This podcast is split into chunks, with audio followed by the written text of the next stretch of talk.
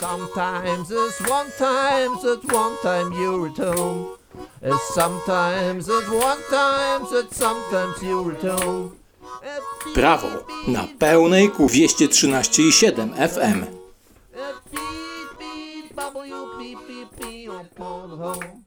Minęła godzina 20, w związku z czym w radiu Prawo na Pełnej czas na audycje karne, materialne.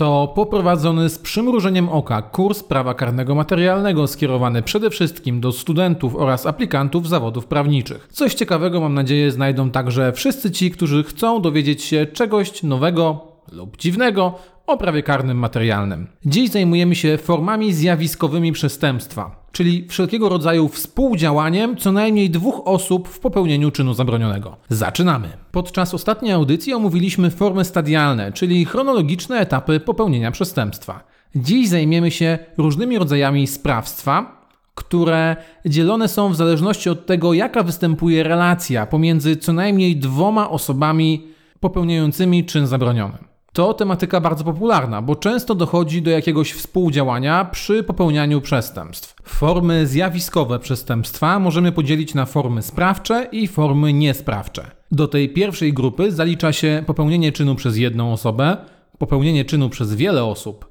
kierowanie popełnieniem przestępstwa oraz polecenie komuś popełnienia takiego przestępstwa. Jeśli chodzi o formy niesprawcze, w grę wchodzi tutaj podżeganie, pomocnictwo i prowokacja. Tak naprawdę do tej pory w naszej audycji mówiliśmy głównie o sprawstwie indywidualnym, gdy tylko jedna osoba popełnia czyn zabroniony. Przykład. Czacha zdenerwował się tym, że przegrał w internetowego pokera. Poszedł więc bić żonę, która z pokerem przecież nic wspólnego nie miała. Wyróżnia się wąską definicję sprawcy. Jest to każdy, kto wypełnia znamiona czynu zabronionego wskazane np. w części szczególnej kodeksu karnego oraz szeroką definicję sprawcy. Oprócz powyższego uwzględnia ona także podżegacza i pomocnika. Współsprawstwo to klasyczna, najczęściej występująca forma przestępczego współdziałania. Uregulowana jest w artykule 18 kodeksu karnego, zgodnie z którym za czyn odpowiada także taka osoba, która robi to wspólnie i w porozumieniu z inną osobą. Kluczowym elementem tej konstrukcji jest porozumienie.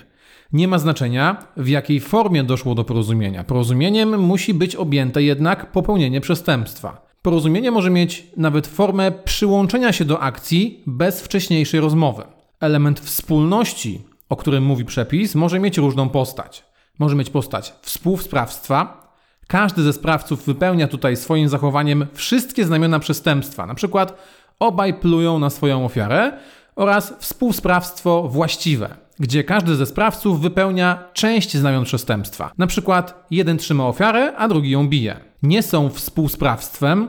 Współsprawstwo sukcesywne, gdy ktoś jest w trakcie popełniania przestępstwa, na przykład bicia kogoś, a ktoś inny dołącza się bez żadnego porozumienia do akcji i na przykład obraża pokrzywdzonego. Wtedy ta nowa osoba nie odpowiada za to, co działo się przed jej przyłączeniem. Nie jest także współsprawstwem sprawstwo równoległe, gdy bez porozumienia dwie osoby wywołują przypadkiem ten sam skutek. Na przykład dwie osoby niezależnie od siebie zrzucają z dwóch różnych balkonów kamienie, które ranią tego samego przechodnia. Sprawstwo kierownicze, podobnie jak współsprawstwo, uregulowane jest w artykule 18 kodeksu karnego. Zgodnie z jego brzmieniem, sprawcą jest także taka osoba, która kieruje faktycznym popełnieniem przestępstwa. Najtrudniejsze w tej sytuacji jest zinterpretowanie słowa kieruje. Zgodnie z poglądami doktryny, kieruje przestępstwem taka osoba, od której decyzji zależy wykonanie poszczególnych jego etapów.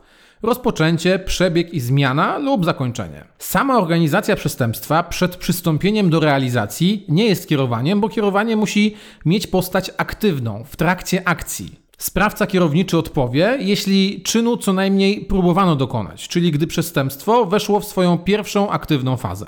Dalej mamy polecenie popełnienia przestępstwa, nazywane inaczej sprawstwem poleceniowym. Polega na wykorzystaniu uzależnienia jakiejś osoby od siebie i poleceniu jej popełnienia czynu zabronionego. Klasycznym przykładem jest popełnienie przestępstwa na polecenie przełożonego albo opiekuna prawnego. Przykład. Szef mafii każe cynglowi kogoś kropnąć albo rodzic każe dziecku coś ukraść. Jeśli chodzi o kwestię uzależnienia, to nie ma ono określonej postaci. Może być formalne, na przykład stosunek pracy lub inny służbowy, lub nieformalne, na przykład zależność finansowa od kogoś lub miejsce w strukturze mafijnej. Kwestia polecenia także nie ma zdefiniowanej postaci. Może to być życzenie, nakaz, rozkaz itd.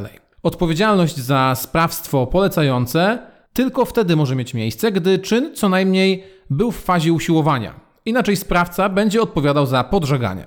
Podżeganie to jedna z tak zwanych form niesprawczych. Zgodnie z artykułem 18 paragraf 2 kodeksu karnego, podżeganie polega na nakłanianiu kogoś do popełnienia czynu zabronionego, chcąc, by taka osoba go popełniła. Podżegacz musi więc mieć zamiar bezpośredni. Jest to, przypominam, rodzaj umyślności. Nakłanianie to wpływanie w dowolny sposób na wolę innej osoby w konkretnym celu, by przekonać ją do popełnienia przestępstwa. Mogą to być prośby, argumenty merytoryczne lub groźby. Cel takiego nakłaniania musi być zindywidualizowany, bo nawoływanie większej grupy ludzi do popełnienia przestępstwa to odrębny czyn zabroniony. Istnieje spór, czy odpowiedzialność podżegacza pojawia się dopiero z chwilą popełnienia przez jego cel przestępstwa, czy wystarczy samo podżeganie. Raczej doktryna skłania się ku tej pierwszej opcji, czyli że ma wystąpić skutek w postaci popełnienia przestępstwa. Zgodnie z artykułem 18 paragraf 3 kodeksu karnego za pomocnictwo odpowiada osoba, która w zamiarze, aby inna osoba dokonała czynu zabronionego, swoim zachowaniem ułatwia jego popełnienie, w szczególności dostarczając narzędzi, środków przewozu, udzielając rady lub informacji. Jest to tak zwane pomocnictwo przez działanie.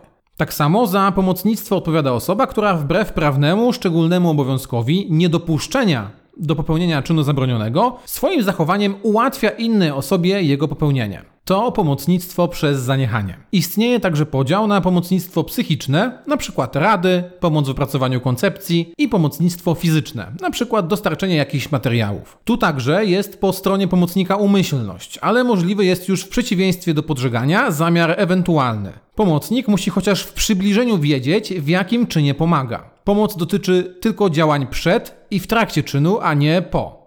Problematyczne jest rozgraniczenie współsprawstwa i pomocnictwa, na przykład w przypadku osób stojących na czatach. Nauka prawa próbuje radzić sobie z tym, tworząc różne koncepcje. Zgodnie z teorią subiektywną, decydujące znaczenie dla rozgraniczenia ma element psychiczny, zamiar pomocnika, działanie w interesie własnym lub cudzym itd. Tak Zgodnie z teorią materialno-obiektywną, decydujące znaczenie ma stopień przyczynienia się do dokonania głównego czynu zabronionego. Teoria formalno-obiektywna mówi o tym, że współsprawca realizuje co najmniej część znamion przestępstwa, a pomocnik nie. Tak zwana teoria władztwa nad czynem z kolei stwierdza, że sprawca podejmuje decyzję co do czynu, a pomocnik nie ma takiej mocy decyzyjnej. Nasz kodeks karny skłania się raczej ku teorii formalno-obiektywnej, która stawia na kwestię wypełnienia chociażby części znamion przestępstwa. Prowokacja jest specyficzną formą współdziałania niesprawczego. Uregulowana została w artykule 24 kodeksu karnego. Polega na nakłonieniu innej osoby do popełnienia czynu w celu skierowania przeciwko tej osobie postępowania karnego. Prowokatorowi może nie zależeć na popełnieniu przestępstwa, ale na przykład na udupieniu konkretnej osoby. Nie mamy więc do czynienia z podżeganiem. Prowokacja jest przestępstwem bezskutkowym, czyli sam fakt podjęcia pewnych działań przez prowokatora już uprawnia do przypisania mu odpowiedzialności. Jeśli chodzi o odpowiedzialność za współdziałanie, mamy tutaj kilka zasad skodyfikowanych w kodeksie karnym. Ogólna zasada takiej odpowiedzialności znajduje się w artykule 20 kodeksu karnego. Zgodnie z nią każdy ze współdziałających w popełnieniu czynu zabronionego odpowiada w granicach swojej umyślności lub nieumyślności, niezależnie od odpowiedzialności pozostałych współdziałających. Przepis ten potwierdza zatem teorię wielości przestępstw, czyli że każdy wspólnik popełnia przestępstwo. Pojawia się tutaj problem ekscesu. Nie można karać współdziałającego za wykroczenie poza ustalone ramy czynu. Na przykład, jeśli ktoś będzie kierował przestępstwem hackingu, a wykonawcy zniszczą fizycznie serwery, to sprawca kierowniczy nie będzie odpowiadał za zniszczenie, gdy zostało poczynione bez jego wiedzy. Jeśli chodzi o podżeganie i pomocnictwo, to granice zagrożenia są takie same jak za sprawstwo, ale sąd może nadzwyczajnie złagodzić karę w przypadku pomocnika. Jeśli czynu głównego usiłowano dokonać, podżegacz i pomocnik odpowiadają jak za usiłowanie. Jeśli czynu nawet nie usiłowano dokonać, sąd może tutaj nadzwyczajnie złagodzić karę, a nawet odstąpić od jej wymierzenia. W tym kontekście pojawia się także czynny żal. Dotyczy wszystkich rodzajów współdziałania. Jeśli współdziałający dobrowolnie zapobiegł dokonaniu głównego czynu, nie podlega karze. Jeśli natomiast tylko próbował zapobiec, sąd może nadzwyczajnie taką karę złagodzić. Ostatnia poruszana dzisiaj kwestia to wpływ właściwości osobistych na odpowiedzialność. Właściwości osobiste to pewne indywidualne cechy sprawcy mające znaczenie dla jego odpowiedzialności karnej. To na przykład poczytalność, wcześniejsza karalność czy bycie funkcjonariuszem publicznym. Okoliczności osobiste wyłączające lub łagodzące albo zaostrzające odpowiedzialność karną uwzględnia się tylko co do osoby, której dotyczą. Jest od tego jednak pewien wyjątek. Czasami właściwości osobiste stanowią znamiona przestępstwa. Są to wtedy przestępstwa indywidualne, o których mówiliśmy w jednej z poprzednich audycji. Jeśli taka okoliczność stanowi znamię czynu zabronionego, współdziałający podlega odpowiedzialności karnej przewidzianej za ten czyn zabroniony, gdy o takiej okoliczności wiedział, nawet jeśli go nie dotyczyła. Jeśli okoliczność taka jednak go nie dotyczy, sąd może w jego przypadku nadzwyczajnie złagodzić karę. To wszystko na dzisiaj. Bardzo dziękuję, że zostaliście ze mną do tej pory. Trochę mnie nie było, ale to wynikało z przeprowadzki i pewnych innych spraw życiowych, które powoli wychodzą na prostą.